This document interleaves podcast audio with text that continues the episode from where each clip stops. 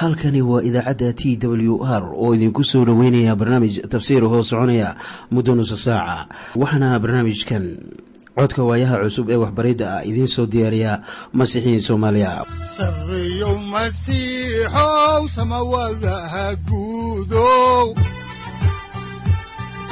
Siraadkii adduunkow subanaha eebow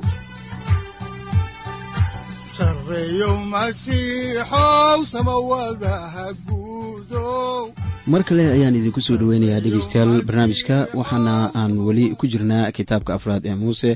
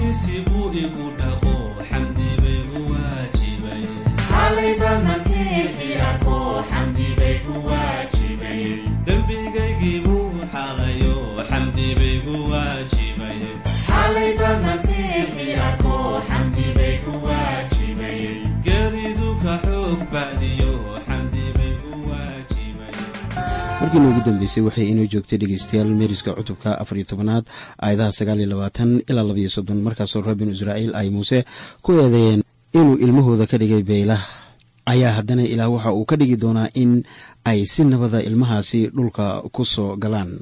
Waa dhulkii ay ka baqeen oo ay liideen weli halkii ayaan dhegeystayaal meeriska idiinka sii wadaynaa waxaana aan idiin akhriyayaa aayadaha saddex iyo soddon ilaa shan iyo soddon waxaana qorniinku uu leeyahay sida tan oo caruurtiinnu afartan sannadood ayay cidlada ku warowareegi doonaan oo ilaa meydadkiinnu ay cidlada ku baaba'aan iyagu waxa ay sidii doonaan daacadnimo la'aantiinna.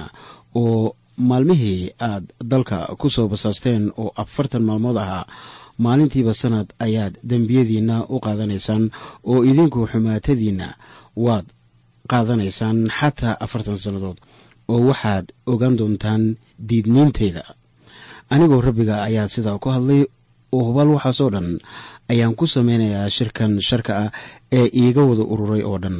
Cidladan ayaa ay ku baabi'i doonaan oo ay ku wada dhiman doonaan. Haatan ilaah waxa uu reer binu israa'iil u sheegayaa in ay cidlada ku waruureegi doonaan afartan sannadood. Hal sano maalin waliba waxaana maalin waliba ee raggii wardoonka ahaa ay ku tageen dalka looga dhigay hal sano oo waxa ay cidlada joogi doonaan in ka badan afartan sannadood. Haddaynu hore idiinku sii wado markaa meeriska ayaa waxa aan iminka ka eegeynaa qorniinka cutubka afar iyo tobanaad aayadaha lix iyo soddon ilaa toddoba iyo soddon. Waxaana qoran sida tan. Oo nimankii muuse u diray in ay dalka soo basaasaan oo soo noqday oo shirka oo dhan ka dhigay in ay isaga u gunuusaan markii ay dalkii warxun ka keeneen. Nimanka oo warxun dalkii ka keenay ayaa balaayadii ku dhintay rabbiga hortiisa sidaad arkaysaan raggii wardoonka ahaa ee warbixinta xun keenay ee kacdoonka keenay ayaa ilaah ku soo dejiyey balaayo daran. Haatanna waxaanu soo gaarnay maadadii ugu dambeysay ee cutubka afar iyo tobanaad waxaana weeye israa'iil oo lagaga adkaaday dagaal ay isaga hor yimaadeen reer camaleeq iyo reer kancaan haddaan soo koobno haddaba waxaa qorniinka quduuska ay leeyahay sida ku qoran cutubka afar iyo tobnaad aayadaha afartan ilaa saddex iyo afartan sida tan. Markaasaa aroor hore ay kaceen oo buurta dhaladeeday fuuleen oo waxa ay yidhaahdeen baleeg waana kan waanan u kacaynaa meeshii rabbiga uunoo ballan qaaday maxaa yeelay waanu dambaabnay. Kolkaasaa muuse yidhi war rabbiga amarkiisa maxaad ugu xadgudbaysaan waayo taasu faa'iido idiinma lahan doonto. Halkaas ha u kicina waayo rabbigu idinma dhex joogo ee yaan cadaawiyaashiinnu idin layn. Waayo halkaas waxaa idiinka horreeya reer camaleeq iyo reer kancaan oo seeftaad ku la-an doontaan maxaa yeelay rabbiga la socodkiisii dib baad uga noqoteen oo sidaas daraaddeed rabbigu idinla jiri maayo. Fursaddoodii qaaliga ahayd way lumiyeen dhulkana ma ay geli doonaan ilaa rabbigu amro. Hadda ayaa ay doonayaan inay isku dayaan inay xoog ku galaan oo iska yeelyeel ayaa ay dagaal u aadayaan laakiin rumaysadku ma ahan iska yeelyeel haddaba wax guul ah la arki maayo haddaan laysku dhiibin ilaah doonistiisa taasoo uu ka leeyahay nolosheenna. Haddaan soo gunaanadno haddaba cutubka afar iyo tobanaad ayaan idiin akhriyaya dhegeystayaal aayadaha afar iyo afartan ilaa shan iyo afartan waxaana qorniinku leeyahay sida tan laakiinse iyaga waxa ay ku sii adkaysteen inay buurta dhaladeeda fuulaan habase yeeshee muuse iyo sanduuqii axdiga rabbiga xeradii kama ay bixin. Kolkaasaa reer camaleeq iyo reer kancaan oo buurta deganaa hoos u degeen oo intay laayeen ayay tan iyo xormaa eryadeen. Markii amarkii rabbiga la diiday ayaa ilaah iyana guuldarro faraha ka saaray. Haddaan intaa haddaba kaga baxno cutubka afar iyo tobanaad ayaan idin bilaabayaa dhegeystayaal meeriska cutubka shan iyo tobanaad ee kitaabkii afraad ee muuse oo loo yaqaano tirintii. Cutubkan waxa uu ka hadlayaa guuldaradii israa'iil oo daahinaysa barakadii ilaah laakiin taasi maanay baabi'inin ulajeedadii ilaah waxaanu soo aragnay in reer binu israa'iil ay yimaadeen meel ay tahay in ay go'aan qaataan waana markii ay yimaadeen qaadees barneeca. Sida aad ogsoon tahay haddaba go'aamada way adag yihiin in aynu qaadanno habase yeeshee khalad ayaa ay mar kale sameeyeen oo go'aankii khaldanaana ayay qaateen. Markaasaa ilaah ku celiyey cidlada socodkoodiina waxaa laga dhigay warwareeg iyo muran.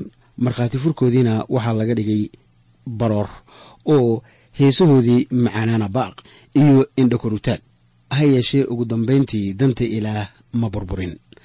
Haddaan markaa maadada khusaysa in ilaah dantiisa aanay burburin idinka akhriyo kitaabka tirintii ayaa waxa aan iminka soo gaarnay cutubkii shan iyo tobanaad. Waxaana maadada ugu horreysa ay tahay in dantii ilaah aanay burburin weli qorniinka ayaanu ku jiraa waxaana aanu idiin akhriyeynaa iminka cutubka shan iyo tobanaad aayadaha hal ilaa afar ee kitaabka tirintii waxaana qorniinku leeyahay sida tan.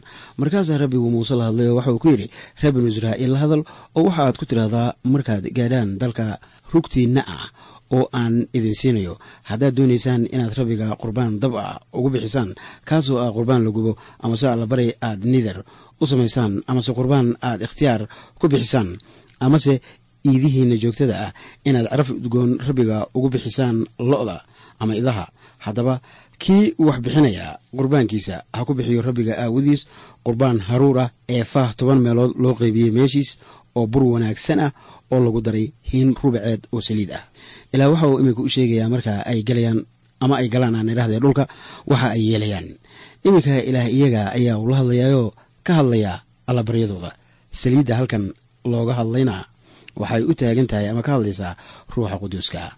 Haddaba faraca geli doona dhulka ayaa waxa ay bixinayaan allabarigan ka hadlaya ciise haddaan horey idiinku sii wado haddaba meeriska ayaanu la soo kala baxaynaa cutubka shan iyo tobanaad waxaana hoos aanu ugu dhaadhacaynaa aayadaha afar iyo labaatan ilaa lix iyo labaatan oo waxaa qorniinka quduuska ay leeyahay sida tan markaas haddii qaladkii kama loo sameeyey iyadoo aan shirku ogeyn.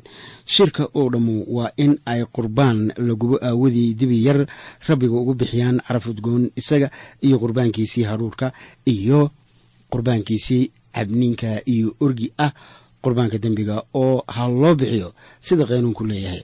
Oo shirka reer binu israa'iil oo dhan waa in wadaadku u kafaaro gudaa oo markaa iyaga waa la cafiyayaa maxaa yeelay waxay ahayd qalad kama loo sameeyey.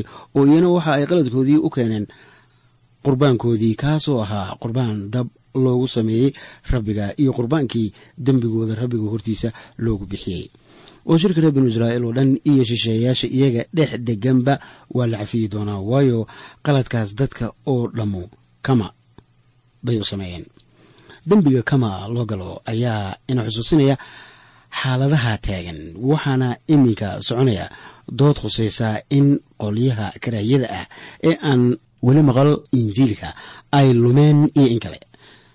Waxaan idinku leeyahay uma ayan lumin inaanay garanaynin injiilka laakiin waxay u lumeen dembiyadooda awgii dadku waxa ay u lumeen waxa weeyaan waa dembiilayaal. Ama ha maqlaan ama yaanay maqlin warka ilaahay. Habase yeeshee maalmaheenna dadku way maqleen siday u badan yihiin injiilka haddaan horey idiinku sii wado haddaba dhegeystayaal meeriska ayaanu haatanna eegaynaa maadada kale ee ah. In qofka uu istaahilo dhimasho haddii uu jebiyo shuruucda maalinta sabtida. Waxaanu soo gaarnay haddaba dhacdo timid wakhtigii ay reer binu israa'iil joogeen lama degaanka oo ah dhacdo cajiiba haddaan arrinkaa idinka akhriyo qorniinka ayaanu la soo kala baxaynaa. Kitaabka tirinta iyo cutubka shan iyo tobnaad ayadaha labaiyo soddon ilaa lix iyo soddon waxaana qorniinka quduuska ay leeyahay sida tan. Oo intii reer binu israa'iil cidlada ay joogeen waxa ay heleen nin maalintii sabtida qoryo guranaya. Oo kuwii helay isagoo u qoryo guranaya waxa ay u keeneen muuse iyo haaruun iyo shirkii oo dhan. Oo markaasay xireen maxaa yeelay waxa isaga lagu samayn lahaa ayaan weli la caddayn markaasaa rabbigu muuse ku yidhi ninka hubaal waa in la dilaa oo shirka oo dhammu waa inay isaga xerada dibaddeeda ku dhagxiyaan. Markaasaa shirkii oo dhammu waxa ay isagii keeneen xerada dibaddeedii kolkaasay dhagxiyeen oo wuu dhintay sidii rabbigu muuse ku amray. Waa ciqaab daran sidaad arkaysaan. Hal mid bayna caddaynaysaa waxaana weeye jebinta ama burinta mid ka mida tobanka wasiyadood waxaana ay u dhigmaysaa inaad iyaga oo dhan ku xadgudubtay haddii mid aad ku xadgudubto. Waxaan u baahannahay haddaba inaan aragno arrinkaa si aynu ku garanno waxa ay ka macno tahay in masiixu dhintay dhimasho aynu inaga istaahilnay bal haatanna aynu egno amar kale oo la siinayo reer binu israa'iil. Waana arrinka ah in dharka ay xiranayaan ay faraqyo u yeelaan. Farqahana laga dhigo buluug. Waxaa qorniinka uu leeyahay sida ku qoran cutubka shan iyo tobnaad aayadaha toddobiyo soddon ilaa koob iyo afartan sidatan. Kolkaasa rabbigu muuse la hadlayoo waxa uu ku yidhi reer binu israa'iil la hadalo waxaad iyaga ku amartaha inay iyaga abka ab farqiyaan darfaha dharkooda iyo in ay faraqa daraf kasta u yeelaan xadhig buluug ah oo wuxuu idiin noqonayaa faraq aad u fiirsataan oo aad rabbiga amaradiisa oo dhan ku xusuusataan inaad samaysaan si aydan u raacin qalbigiinna iyo indhihiinna. Aad daacadnimo la'aanta ku raaci jirteen. Laakiinse aad xusuusataan oo aad samaysaan amaradayda oo dhan oo aad quduus u ahaataan ilaahiinna. Aniga waxaan ahay rabbiga ilaahiinaa oo dalkii masar idinka soo bixiyey in uu ilaah idin ahaado. Aniga ayaa ah rabbiga ilaahiinna farqaha buluuga oo ah midab samaawiya ayaa xusuusinaya in ay yihiin dadkii ilaah oo waa in ay xidhaan dhar samada sare tilmaamaya. Haddaan intaa ku soo ekayno cutubkii shan iyo tobnaad ayaanu si dawaali ah idinku bilaabaynaa cutubka lix iyo tobnaad ee kitaabkii tirintii. Hal mawduuc ayaa uu ka hadlayaa haddaba waxaana weeyaan mahmaahyadii koor ah. Inkastoo aan tafaasiil faahfaahsan laynaga siinin reer binu israa'iil wakhtigii ay cidlada ku lumeen ayaa haddana waxaa jira dhacdooyin la qoray intii ay cidlada lugeynayeen. Cutubka sagaal iyo tobnaad ayaa waxa uu ka hadlayaa ama ku qoran afar dhacdo oo khuseeya wadaadnimada cutubka lix iyo tobnaad waxaa isna ku qoran maamahadii koorah oo ahayd dhacdo keentay in reer laawi ay ku qabsadaan haaruun in ay iyana wadaada yihiin. Cutubka toddobiyo tobnaadna waxa uu ka hadlayaa ushii haaruun oo ubxisay cutubka siddeed tobnaad. Waxaa ku qoran wadaadnimada xaqiijinteeda. Waxaanse cutubkan lix tobnaad ku bilaabayaa maadada koora taasoo uu kaga hor yimid awoodda rabbaaniga ah ee wadaadnimada. Cutubkan waxa uu ku furmayaa reer binu israa'iil oo murmaya waana murankii shanaad. Haddaan markaa cutubkan lix tobnaad idiin bilaabo ayaa waxaa qorniinka quduuska ahi leeyahay sida ku qoran cutubka lix tobnaad ayadaha hal ilaa saddex oo leh haddaba qorax ina cisahaar oo ahaa ina qohaad oo ka sii ahaa reer laawi isaga iyo daataan iyo abiiraam oo ahaa ilmo eli'aab iyo oon oo ahaa ina feled oo reer ruubeen ahaa ayaa rag watay oo waxa ay ku horkaceen muuse iyaga iyo reer binu israa'iil qaarkood oo ahaa laba boqol iyo konton amiir oo shirka loo doortay oo wada caan ahaa oo iyana way wada urureen oo gees ka noqdeen muuse iyo haaruuno waxa ay iyagii ku yidhaahdeen idinku filan maxaa yeelay shirkan oo dhan waa quduus oo rabbiguna waa dhex joogaa iyaga. Haddaba maxaad rabbiga ururkiisa isaga sara marisaan. Qorax waxa uu ahaa nin reer laawi ah oo welibana awood lahaa waxaana la socday isaga laba boqol iyo konton amiir oo shirka ka mid ahaa oo giddigoodba ahaa raggii caanka ahaa ee awoodda lahaa. Haddaba haddii inqilaab la dhigay waa in ay ku jiraan rag caana waayo inqilaabku waxa uu tabanayaa maskax iyo lacag. Marka inqilaabkan mid si weyn loo soo agaasimay ayaa u ahaa haddaba ilaah waxa uu iminka soo dhammaynaya inqilaabkaas ama gadoodkaas. Haddaan horey idiinku sii wado haddaba meeriska ayaan iminkana la soo kala baxaynaa cutubka lix iyo tobanaad aayadaha afar ilaa toddoba. Waxaana qoran sida tan oo muusena markuu taa maqlay ayaa uu wejiga dhulka dhigay. Markaasuu la hadlay qorax iyo guutadiisii oo dhan oo waxa uu ku yidhi berri subax ayaa rabbigu muujin doonaa kuwa kuwiisa iyo kii quduus ah wuuna soo dhoweyn doonaa oo kii uu isagu dooranayana wuu isu dhoweyn doonaa haddaba qorax iyo guutadiisa oo dhammaay sidan yeela oo waxaad qaadataan idamo oo berrito rabbiga hortiisa iyaga dab ku shuba oo foox ku shida oo kolkaas ninkii rabbigu doorto wuxuu ahaan doonaa quduus idinkuna idinku filan reer laawiyow waxay muuse iyo haaruun ku yidhaahdeen jago aad u badan ayaad haysataan. Iminka muuse waxa uu ku yidhi idinkuba wax badan baad hesheen balaan horay idiinku sii wado haddaba meeriska waxaana aan idiin akhriyaynaa cutubka lix iyo tobnaad aayadaha siddeed ilaa koob iyo toban. Waxaana qoran sida tan. Markaasaha muuse waxa uu qorax ku yidhi haddaba maqla reer laawiyow ma idinla yartahay in ilaaha reer binu israa'iil idinka soocay shirka reer binu israa'iil inuu idiin soo dhowaysto si aad u samaysaan hawsha taambuugga rabbiga oo aad shirka hortiisa istaagtaan oo u adeegtaan iyo inuu weliba idinka iyo walaalihiinna reer laawi oo dhanba soo dhowaystay oo haddana ma waxaad doonaysaan wadaadnimada? Haddaba adiga iyo guutadaada oo dhammu waxaad isu soo urursateen oo aad gees ka tihiin rabbiga balse maxaa dhacay oo aad haaruun ugu gunuustaan haddaba jegada rabbiga ee ay doonayaan ilaah baa siiyey muuse iyo haaruun gunuusiddu ilaah baa looga hor imanayaa saaxiibayaal haddaan horey idiinku sii wado haddaba meeriska ayaan idiin akhriyay cutubka lix iyo tobnaad aayadaha laba iyo toban ilaa afar iyo toban waxaana qoran sida tan. Markaasaha muuse u cidiray dataan iyo abiraam oo ahaa ilmo eli'aab oo iyana waxa ay yidhaahdeen iman mayno ma wax yarbaa inaad naga soo kaxaysay dalcaana iyo malab la barwaaqaysan si aad noogu dishid ciladan dhexdeeda oo aad welibana innaga amiir isaga kaaya dhigtid oo welibana nama aadan geyn dal caano iyo malab la barwaaqaysan oo namana aadan siin dhul iyo beere canaba oo aan dhaxalno. Warma waxaad doonaysaa inaad dadkan indhaha ka riddo? Annagu iman mayno. Arrinkii ay iyagu diideen. Ayay haddana muuse ku eedaynayaan ilaah markii uu arko haddaba arrin sidan oo kale ah waxbuu ka qabtaa.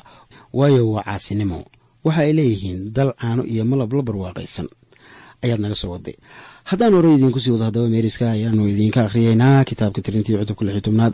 Aayadaha shan iyo toban ilaa labaiyo labaatan waxaana qoran sida tan.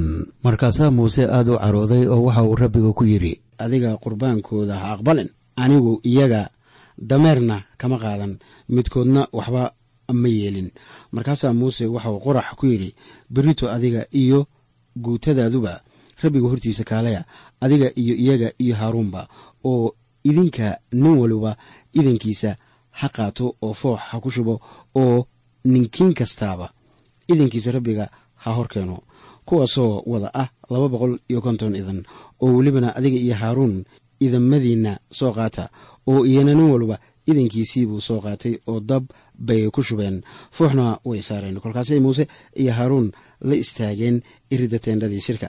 Markaasaa qorax soo shirsaday. Shirkii oo dhan oo iyaga ka geesa oo waxa uu soo tubay iridda teendhada shirka oo shirkii oo dhan waxaa u muuqatay ammaantii rabbiga. Markaasaa rabbigu muuse iyo haaruun la hadlay oo waxa uu ku yidhi idinku shirkan dhan isaga sooca aan iyaga daqiiqad ku baabi'iye markaasay wejiga dhulka dhigeen oo waxa ay yidhaahdeen ilaahow adigoo ah ilaaha binu-aadmiga oo dhan ruuxooda. Haddaba nin keliyaha dembaabay ma dadka shirka oo dhan baad u caroonaysaa qof waliba waxa uu soo qaatay haddaba idankiisii wuxuuna ku soo shubay foox oo waxa ay yimaadeen iridda teendhada shirka. Waxaanu arkaynaa in ammaantii rabbiga ay soo dul istaagtay teendhada. Horey ayay ammaantii rabbigu u soo muuqatay intii ay murmayeen. Oo iminka marka caasinimadan xoogga leh ay timidna way soo muuqatay. Balaan idiin akhriyo cutubka lix iyo tobnaad aayadaha labaiyo labaatan ilaa iyo soddon. Waxaad arki doontaan muuse oo haddana ilaah u baryayay dadkiisa. Waxaana qoran sida tan markaasaa rabbigu muuse la hadlay oo waxa uu ku yidhi shirka la hadalo waxa aad ku tidhaahdaa war ka akaca taambugyada qorax iyo daataan iyo abiiraam markaasaa muuse waxa uu u kacay daataan iyo abiiraam oo waayeeladii reer binu israa'iilna isagay soo raaceen.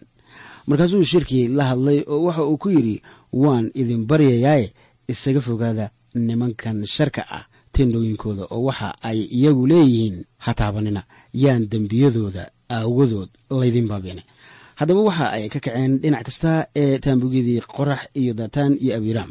Markaasay daataan iyo abiiraam soo baxeen oo waxa ay istaageen iridda teendhadii iyaga iyo naagahoodii iyo wiilashoodii iyo dhallaankoodiiba. Markaasaa muuse waxa uu yidhi tanaad ku ogaanaysaan in rabbigu soo diray inaan waxyaalahan oo dhan sameeyo waayo aniga ammaankayga uun kama samayn. Haddii nimankanu ay u dhintaan sida caadiga u ah dadka oo dhan iyaga loo booqdo sida dadka oo dhan loo soo booqdo. Markaas rabbigu ima uu soo diran laakiinse haddii rabbigu wax cusub sameeyo oo dhulka afka uu kala qaado oo iyaga iyo waxa ay leeyihiin oo dhan liqo oo haddii iyagu oo noolnool ay shi-ool ku dhaadhacaan dee markaas waxaad garan doontaan in nimankanu rabbiga ay quursadeen. Waa arrin naxdin leh in dad ama koox ay ilaah caasinimo la hor yimaadaan ama ku fallaagoobaan ilaah waa inuu caasinimadan wax ka qabtaa oo uu xukunna dusha uga soo tuuraa. Waxaana aan iminka idiin akhriyayaa meeriska cutubka lix iyo tobanaad ayadaha koob iyo soddon ilaa saddex iyo soddon waxaana qoran sidatan oo kolkuu dhammeeyey waxyaalahaas uu ku hadlay oo dhan ayaa dhulkii iyaga ka hooseeyey kala dillaacay oo dhulku afku kala qaaday oo liqay iyagii iyo reerahoodii iyo dadkii qorax oo dhan iyo alaabtoodii oo dhan. Haddaba iyaga iyo wixii ay lahaayeen oo dhammaba iyaga oo noolnool ayaay shi-ool ku dhaceen. Markaasaa dhulkii ku dul xidhmay oo iyana shirkii way ka haligmeen. Way naxdin badan tahay. Haddaba markii aad aragto ciqaabta ilaah oo imanaysa. Waxaa rasuul boolos inoogu sheegayaa galaatiya cutubka lixaad aayadda toddobaad ilaah laguma majaajiloodo oo nin waliba wixii uu beerto ayaa u goosan doonaa. Ilaa waxa uu dadka u xugmiyaa hadba sida ay u dambaabaan ama inta dembigooda u yahay. Haddaan horey idiinku sii wado haddaba meeriska cutubka lix tobnaad ayaanu idiin akhriyeynaa aayadaha afar iyo soddon ilaa afartan. Waxaana qoran sida tan. Markaasaa reer binu israa'iilkii xareerahooda joogay waxa ay la carareen qayladoodii waayo waxa ay is yidhaahdeen war armaa dhulku innagana ina liqaa. Markaasaa dab rabbiga xaggiisa ka yimi uu baabi'iyey laba boqol iyo kontonkii nin oo fooxa bixiyey. Markaasaa rabbigu muuse la hadlay oo waxa uu ku yidhi la hadal ilcasaar in haaruunka wadaadka ah oo u sheeg in uu ciidamada dabka ka bixiyo adna dabka xagga shishe ku kala firdhi waayo iyagu waa quduus oo ciidamada nimankan naftooda ku dambaabay ha laga dhigo dahaadh tuman oo meesha allabariga ha lagu dahaaro. Waayo rabbiga hortiisay ku bixiyeen oo sidaa daraaddeed iyagu waa quduus oo calaamo bay reer binu israa'iil u noqon doonaan. Markaasaa wadaadkii elcasaar waxa uu soo qaaday ciidamadii naxaasta ahaa oo ay kuwii gubtay bixiyeen oo inta la tumay. Ayaa meeshii allabariga dahaadh looga dhigay. Inay taasu reer binu israa'iil xusuus u noqoto si uusan shisheeye aan haaruun farcankiisa ahaynu rabbiga hortiisa ugu soo dhowaan inuu foox u bixiyo. Si uusan u noqon sidii qorax iyo guutadiisa sidii rabbigu isaga ugula hadlay muuse. Haatan ilaah waxa uu u sheegayaa muuse in la soo ururiyo ciidamadii oo inta la dhalaaliyo ama la tumo looga dhigo dahaadh meesha allabariga inay taas xusuus reer binu israiil u noqoto. Haddaan iminka hore idiinku sii wado haddaba kitaabka tarintii ayaan idin akhriyayaa cutubka lix iyo tobnaad aayadda koob iyo afartanaad ilaa tan afartanaad. Waxaana qoran sida tan. Laakiinse subaxdii dambe shirkii reer binu israa'iil oo dhammu way u gunayseen muuse iyo haaruun oo waxa ay ku yidhaahdeen idinku dadkii rabbiga waad layseen. Oo kolkii shirkii oo dhammu ay soo urureen oo ay muuse iyo haaruun gees ka noqdeen waxa ay soo fiiriyeen teendhadii shirka xaggeedii oo bal eeg daruurtii baa qarisay oo waxaa muuqatay rabbiga ammaantiisii maalintii xigtay markii ay welwaleen oo baqeen ayaa ay haddana bilaabeen inay yidhaahdaan muuse iyo haaruun ayaa ka dambeeyey dilkii raggii fallaagada ahaa. Ilaa weli waxa uu doonayaa in mid kasta oo muran badan uu xukumo. Waxaana aan qorniinka idinka akhriyeynaa iyadoo wakhtiguna uu soo dhow yahay. Cutubka lix iyo tobnaad aayadaha afar iyo afartan ilaa konton waxaana qoran sida tan oo rabbiga muuse ayaa ula hadlayay oo waxa uu ku yidhi adigu shirkan ka soo kac oo aan iyaga daqiiqad ku baabi'iye oo iyana markaasay wejiga dhulka dhigeen kolkaasaa muuse waxa uu haaruun ku yidhi war idankaaga qaad oo meesha allabariga dab kaga soo shub oo foox ku rid oo haddiiba shirka u qaad oo iyaga u kafaaro gud. Waayo caro ayaa rabbiga ka soo baxday oo balaayadii way bilaabatay. Markaasaa haaruun qaaday sidii muuse ku hadlay oo shirkii ku dhex orday oo baleeg balaayadii dadka way ku dhex bilaabatay oo fooxii wuu shiday. Dadkiibuuna u kafaaro gudi. Markaasuu isdhex taagay kuwii dhintay iyo kuwii noolaa oo balaayadiina way joogsatay. Haddaba kuwii balaayada ku dhintay waxa ay ahaayeen afar iyo toban kun iyo toddoba boqol oo aan lagu tirin kuwii ku dhintay xaalkii qorax. Markaasaa haaruun muuse ugu noqday riddii teendhadii shirka oo balaayadiina way joogsatay ninkii ay ku fallaagoobeen ayaa iminka ilaah u baryaya oo welibana badbaadinaya. Wuxuu had iyo goorba taagnaa meel u dhaxaysa iyaga iyo ilaah. Isla sidoo kale kii dadku ay qodbeen oo saareen isku tallaabta waa isla kan maanta ina badbaadinaya. Wuxuu taagan yahay dadka iyo dembiilayaasha dhexdooda. Waxaan iminka idiin bilaabaynaa cutubka toddobiyo tobanaad mawduuca cutubka toddobiyo tobnaadna. Waxa uu ka hadlayaa ushii haaruun ee ubxisay ama magooli jirtay iyadoo uu welibana aanay ahayn laangeed ku taalla. Waa ul beri hore la soo gooyey haddana way iska magoolaysaa ama ubixinaysaa ilaa iminka waxa uu xaqiijinayaa wadaadnimada haaruun iyo inuu isagu yahay wadaadka sare ee reer banu israa'iil. Waxaan iminka idiin bilaabaynaa maadada ugu horreysay cutubka toddobiy tobnaad oo ah xafiiska haaruun oo marag looga dhigay sara kicidda haddaan idiin bilaabo meeriska cutubka toddobiy tobnaad ayaan idiin akhriyayaa aayadaha koob ilaa shan waxaana qoran sida tan. Markaasaa rabbigu muuse la hadlay oo waxa uu ku yidhi reer banu israa'iil la hadal oo iyagoo ula ka qaad qabiil kasta ulka qaad amiiradooda oo dhanna sida ay qabiilooyinkoodu kala yihiin laba iyo tobanka ulood ka kala qaad. Oo nin waliba magaciisa ushiisa ku qor. Usha reer laawi waxaad ku qortaa magaca haaruun qabiilooyinkooda madaxdooda mid kastaaba waa inuu u lahaadaa oo waa inaad iyaga hordhigtaa maraga teendhada shirka ku yaalla taasoo ah meesha aan idinkula kulmo. Oo markaas ninkii aan doorto ushiisu way magooli doontaa oo anna hortayda waan ka joojin doonaa gunuuska ay reer banu israa'iil adiga ku gunuusayaan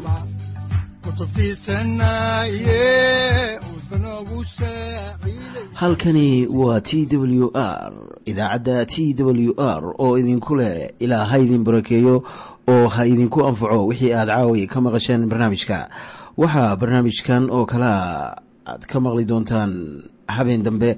Hadahan oo kale haddiise aad doonaysaan in aad fikirkiina ka dhiibataan wixii aad caawi maqasheen ayaad nagala soo xiriiri kartaan som t w r at t w r c o k e haddii aad doonaysaan in aad dejiisataan oo kaydsataan barnaamijka ama aad mar kale dhegaysataan fadlan mar kale booqo www t w r o r g amase www t t b t w r o r g.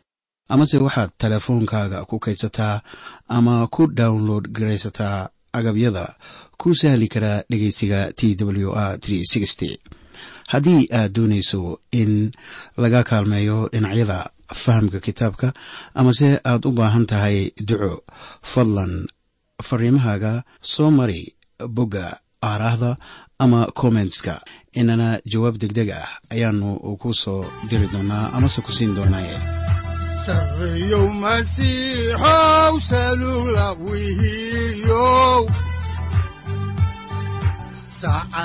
timid dhulka sabada ku dhalatiyo